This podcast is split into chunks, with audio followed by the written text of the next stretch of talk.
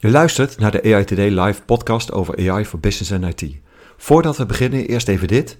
We zijn genomineerd voor de Prijs van Oranje van de Belgian Podcast Awards.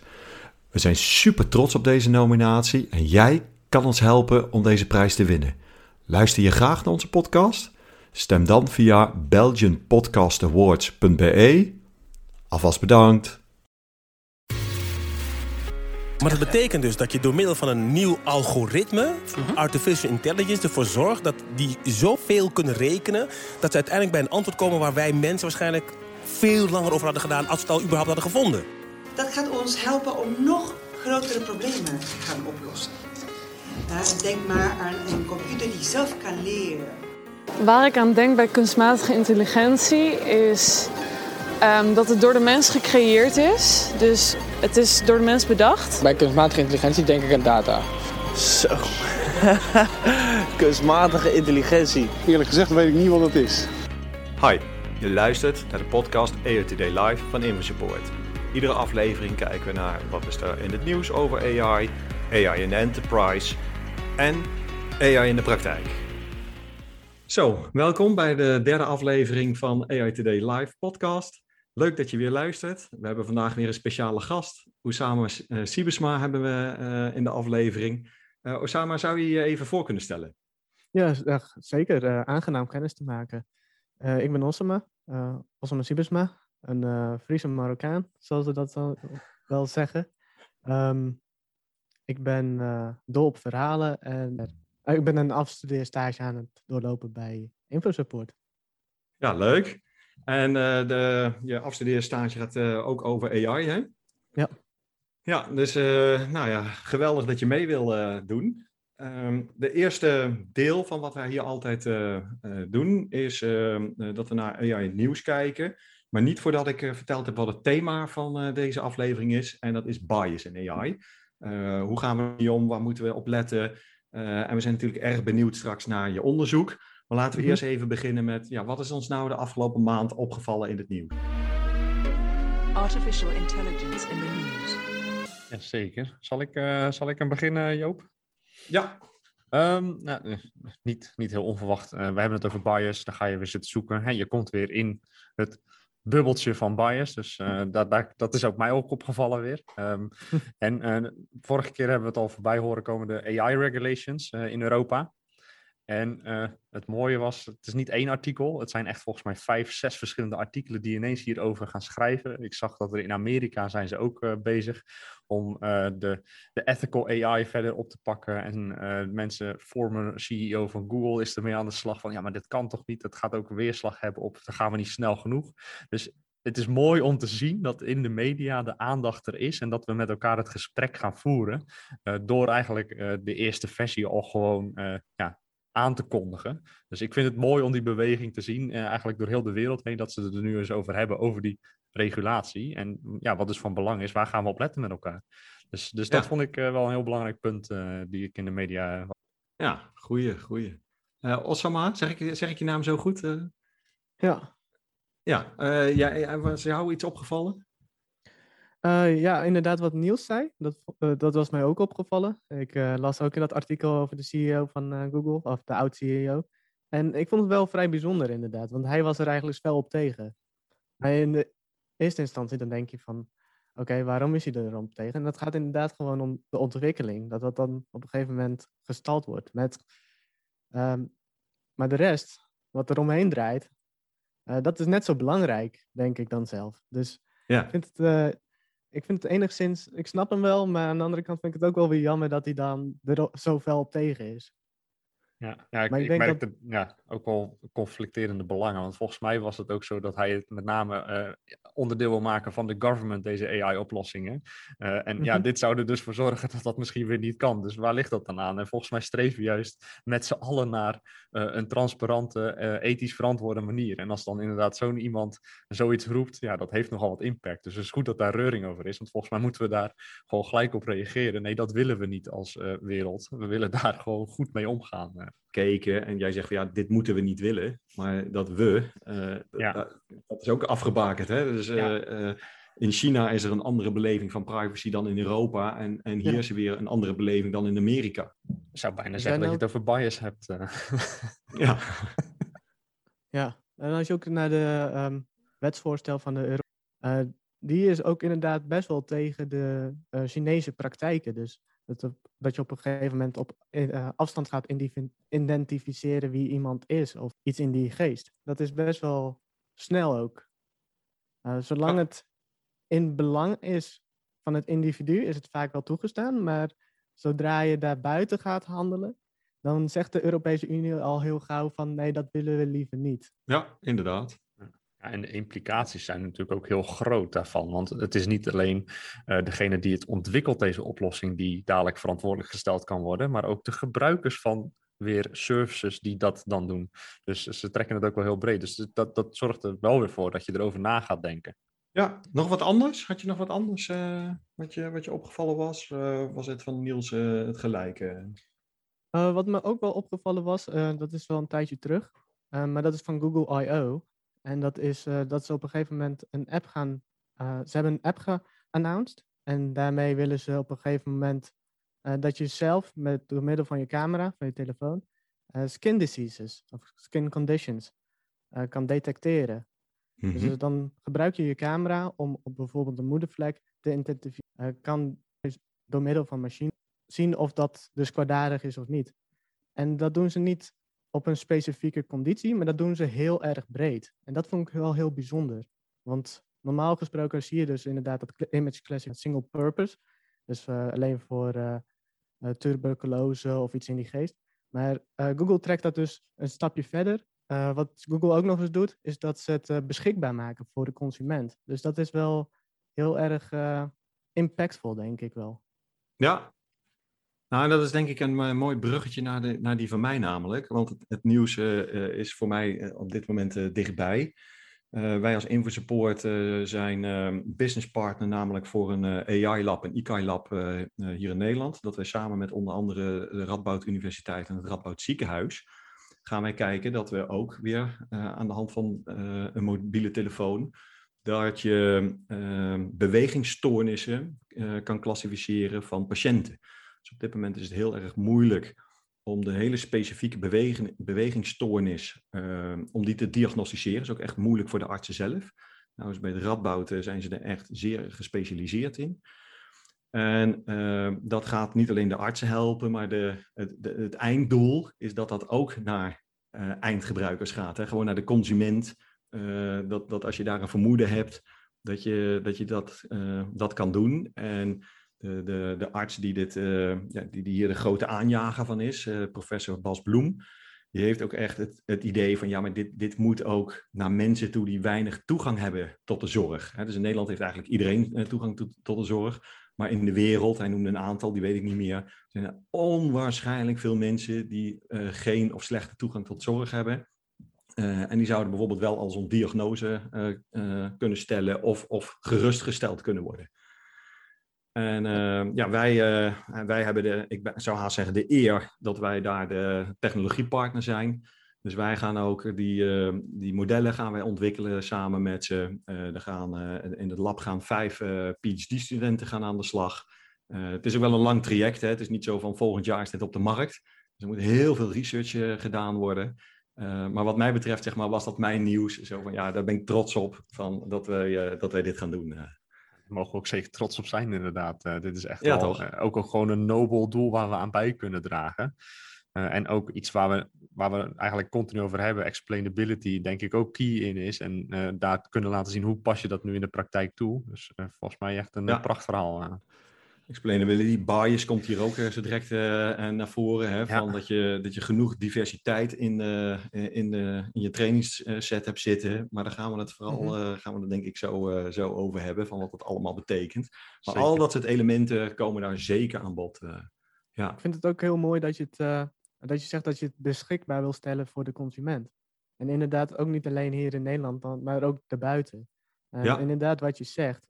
de meeste mensen hebben gewoon tegen daar hebben ja. ze sneller een telefoon dan dat ze een laptop of een. Precies. Dus dat is uh, heel mooi om te zien eigenlijk. Ja, ja, het is echt een heel uitdagend traject. Dus ik, eh, ja, ik kijk daar met, met veel plezier uh, kijk ik alvast vooruit. Uh, ik ben aan het voorgenieten.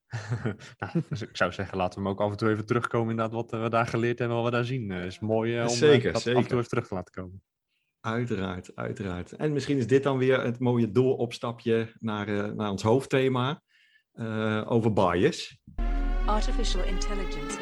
Ja, Ossa, maar uh, zou jij uh, op het gebied van, uh, van bias, hè, dat zit in jouw opdracht, om, om te beginnen zou je eens kunnen vertellen van wat jouw opdracht inhoudt en, en wat je aan het doen bent bij InfoSupport, of wat je gedaan hebt, hè? want je bent geloof ik bijna klaar. Ja, ik heb recent alles mogen inleggen, dat is mooi. Ja.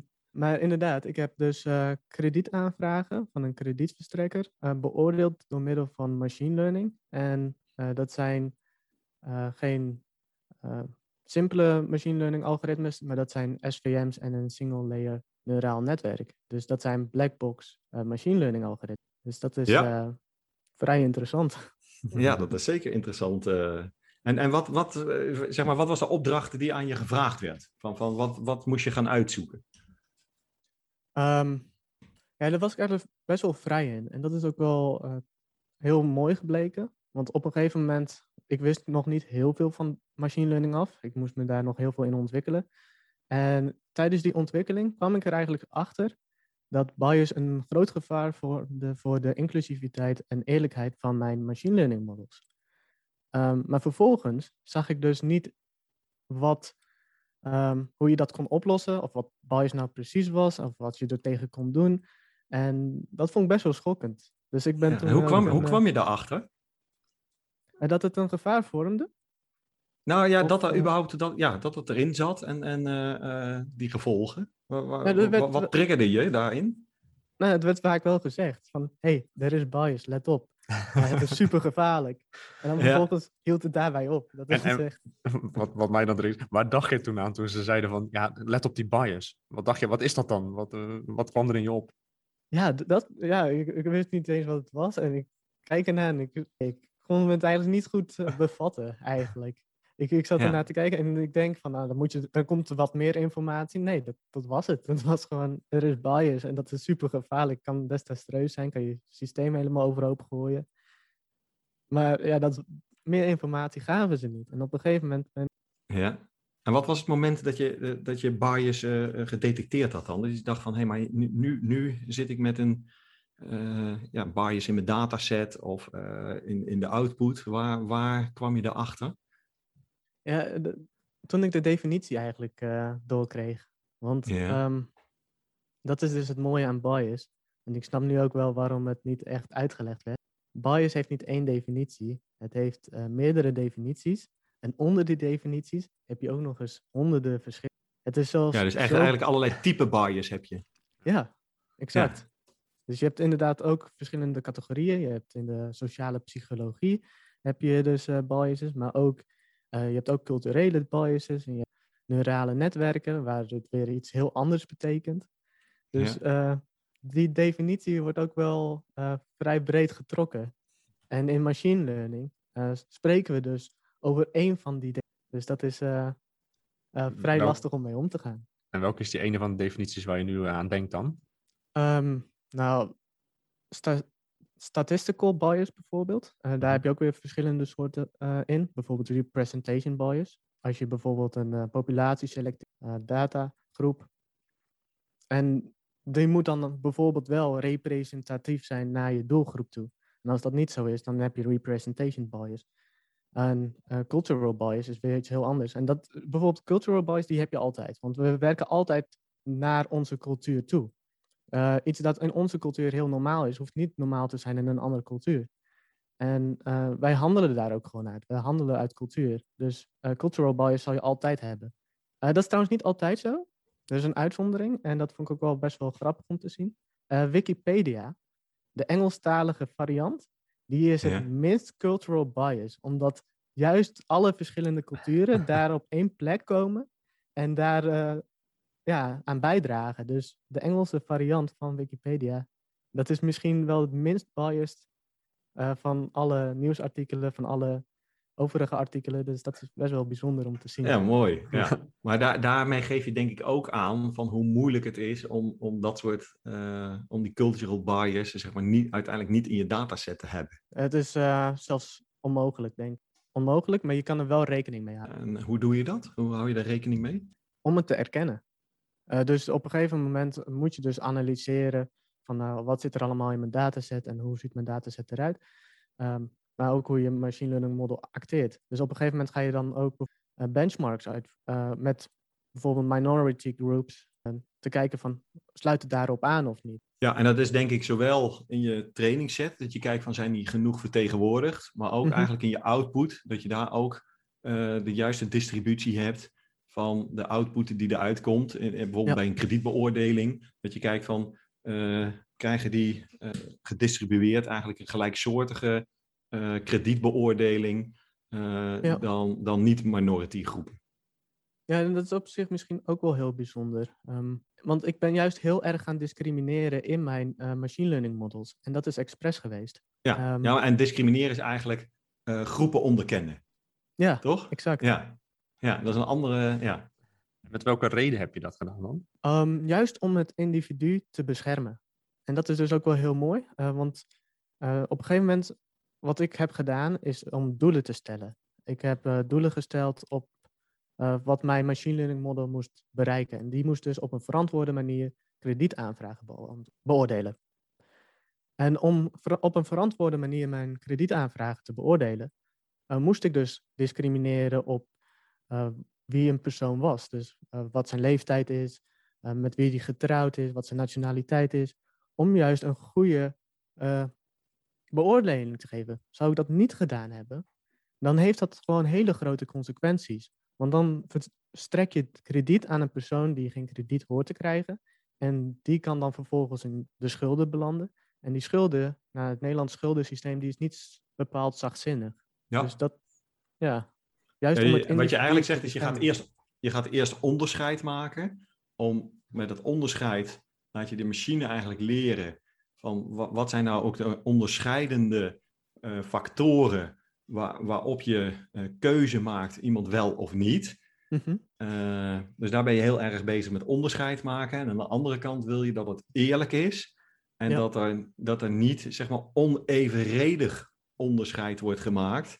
Eh, of onethisch eh, onderscheid wordt gemaakt. Exact. Ja, en daar Dus zit een spanningsveld in. Eh, Ja. En hoe ga je daar dan mee om? Toch? Dat is, het, dat is het, het hele vraagstuk. Ja.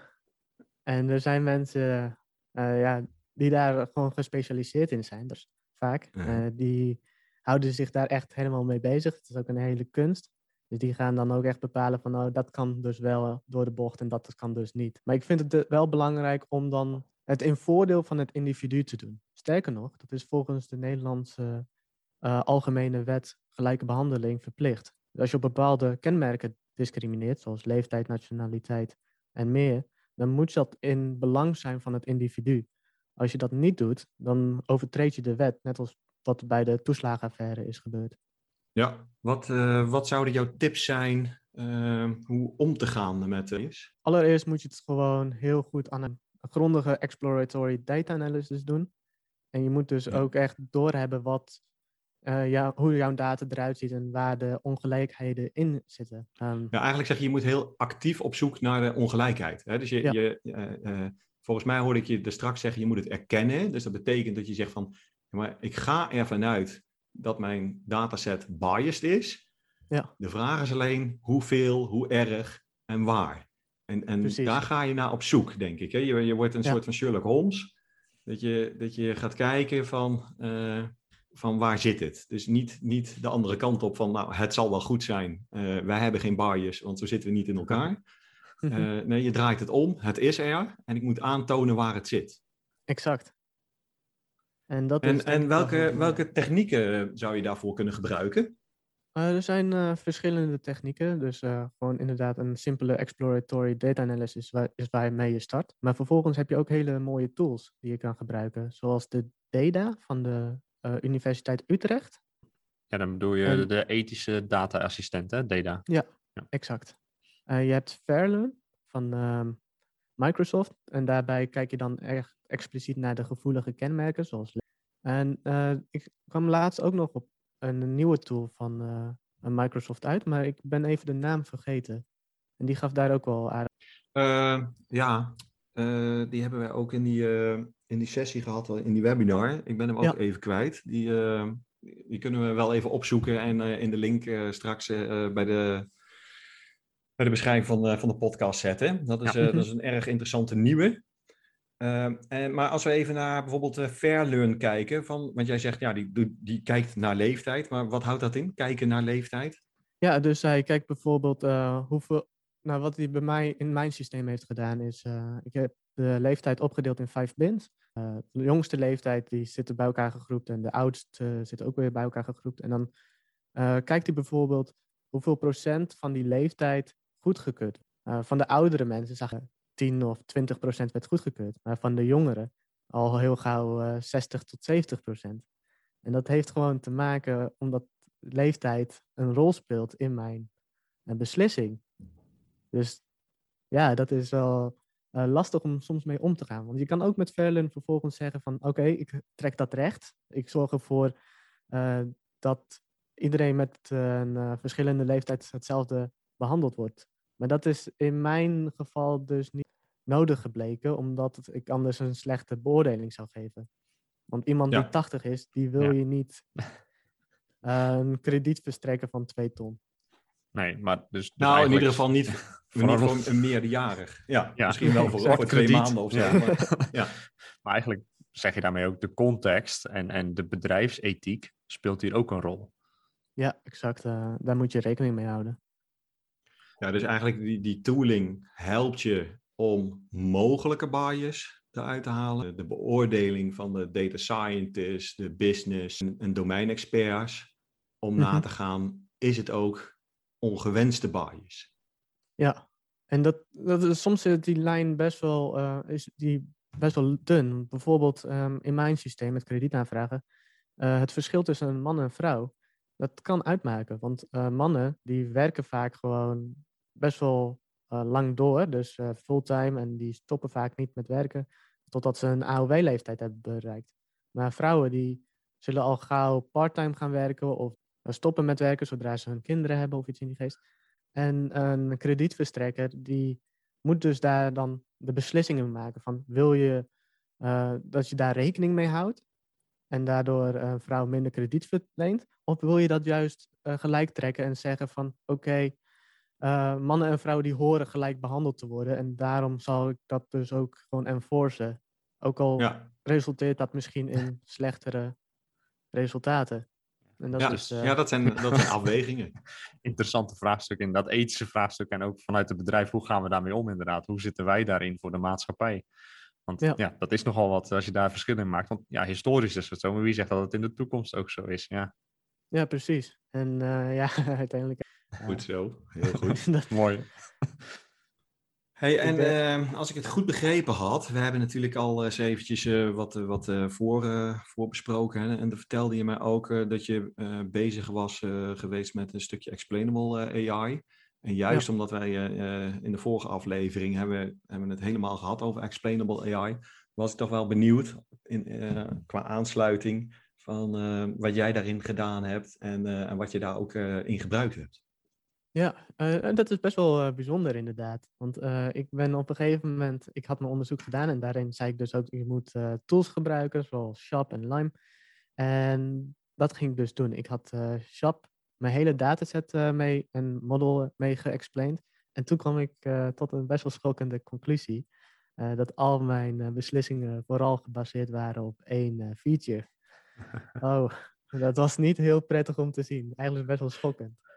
En, en, Eh. en hoe zat het met je nauwkeurigheid? Want die zal misschien best heel goed geweest zijn, of niet? Precies, ja, die was. Ja, eh, dat maakt eh, het extra schokkend, toch? Ja, en eh, uiteindelijk heb ik dus eh, alsnog technieken toegepast om het eh, allemaal wat gelijk te trekken, dus data wrangling.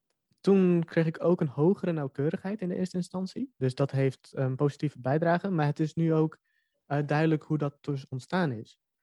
Want dus kan, je, kan je voor de luisteraars even toelichten, wat is SHAP? Er zijn, zullen ongetwijfeld mensen die er nog niet eerder van gehoord hebben.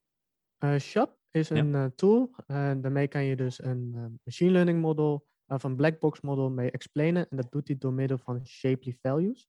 En wat hij daarbij eh, doet, is je hebt dus, eh, het is een soort van spellogica. Dus eh, je hebt een observatie, dat is dan een spel. En de features, dat zijn dus de spelers. En, en die features, die kwantificeert hij vervolgens. Ehm, bekijkt hij dus wat de bijdrage is van elke feature aan het spel. Dus de op Ja, en met name dat hij het ook visueel maakt. Want dat vond ik wel heel gaaf Ja. uitzien. Het werd heel erg visueel en gelijk zichtbaar wat de meeste impact had. Eh, dat vond ik wel mooi. eh. En dat is eh, best wel eh, mooi eigenlijk. Ja, Ja, want daarom kon je exact zien van hey, eigenlijk is er maar één feature die een rol speelt mhm. in de voorspelling van is iemand eh, kredietwaardig genoeg. Ja. Eh, en daarmee had je zoiets van oei, dit, eh, dit gaat niet goed. Ja, en i- op zich, ehm, op een gegeven moment kwam ook in de tijd dat ik mijn afstudeertraject volgde, toen kwam de Artificial Intelligence Act ook in beeld. En eh, toen werd het zelfs eh, verplicht, of nou ja, dat is nu nog steeds niet verplicht, maar als die wordt aangenomen, wel, eh, dan wordt het verplicht om explainable AI toe te passen in black box models. Ja, En, en daar heb ik dus ook rekening mee gehouden. Dus ik heb ehm, mijn machine learning model, heb ik ook ehm, door middel van Shop, heb ik eh, die data gewoon naar mijn client gestuurd. En in mijn client heb ik eh, wat grafiekjes en dergelijke gemaakt. En die vervolgens, eh, en daarmee heb ik ook explainable AI naar de client toegebracht. Dus zodra een acceptant mijn kredietaanvraag zou inzien, dan zou die kunnen achterhalen waarom een een kredietaanvraag geaccepteerd of afgewezen is. En dat vond ik ook wel heel sterk eigenlijk. Ja je zou ook zeggen van dat, dat is bijna een must, hè? want eh, anders krijg je alleen maar eh, computer says no of Mhm. yes. Eh, en, en dat kan natuurlijk nooit voldoende zijn. Hè? Dat, dat mogen we eigenlijk niet accepteren. Ja, heel mooi. Heel mooi. Hey, laten we eens, want ik denk dat we een aardig beeld hebben hè, over wat is bias en, en, en wat kan je ermee. Dat we even naar het laatste blok in de podcast gaan en dat is AI in de praktijk. Dus eh, gaan we kijken hoe kunnen we wat jij nou geleerd hebt, hoe zou je dat nou in de praktijk kunnen toepassen. Real-world examples of artificial intelligence. Iets niet van, maar eh InfoSupport heeft een guidance framework. Ja. En eh, die heeft een stukje over AI en die heeft daar een workflow in. En die Mhm. workflow vond ik heel erg mooi. Hij- eh, die neemt ook heel veel elementen mee eh, op het gebied van explainable AI en analyses. Ehm, die complete workflow, ik weet niet of je die kan delen met de rest. Maar dat zou wel heel mooi zijn eigenlijk. Want als je dat zou opvolgen en ook gewoon al die stappen zou doorlopen, dan eh, zou zelfs een hoog risico klassificatiemodel gewoon goed in de markt kunnen passen. Ja, wij kunnen weer, eh, ook weer een linkje in de beschrijving opnemen naar, dat, eh, naar die workflow. Ja, die is zeker open. Heel goed. En ehm, als je nou, ehm, eh, zeg maar, klanten die met AI bezig zijn of willen beginnen, een eh, tip zou willen be- geven van waar start je nou eigenlijk met die bias detectie? Weet je, hoe, hoe begin je? Eh, ja, toch wel door een exploratory data analysis, want dat is toch wel de basis. En het is ook belangrijk om te kijken waar de data vandaan komt. Want heel vaak krijgen eh, machine learning experts, die krijgen dus op een gegeven moment eh, een dataset binnen en met die dataset gaan ze verder. Maar het is ook wel belangrijk om te weten van eh, waar komt de data vandaan? En eh, wat is er met de data gedaan? En eh, wie heeft er aangezeten? En over wie gaat het?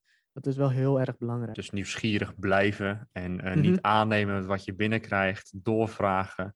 Eh, exact. Ja, En, ehm, en ik denk ook wel heel goed documenteren van ehm, welke data wordt nou een bepaalde feature, hè, dus een echte Mhm. input voor je, voor je model. Ehm, en de resultaten van het onderzoek naar die bias. En dat is denk ik niet eenmalig, maar dat is natuurlijk een repeterend traject. Voor iedere keer als je een, een retraining doet, moet je opnieuw gaan kijken van waar zit de bias, Eh, wat hebben we eraan gedaan, Eh, welke keuzes hebben we gemaakt. En dat is wat jij zei van ja, met, met de mannen en de vrouwen of eh, leeftijden, Mhm. dat je dat ook vastlegt.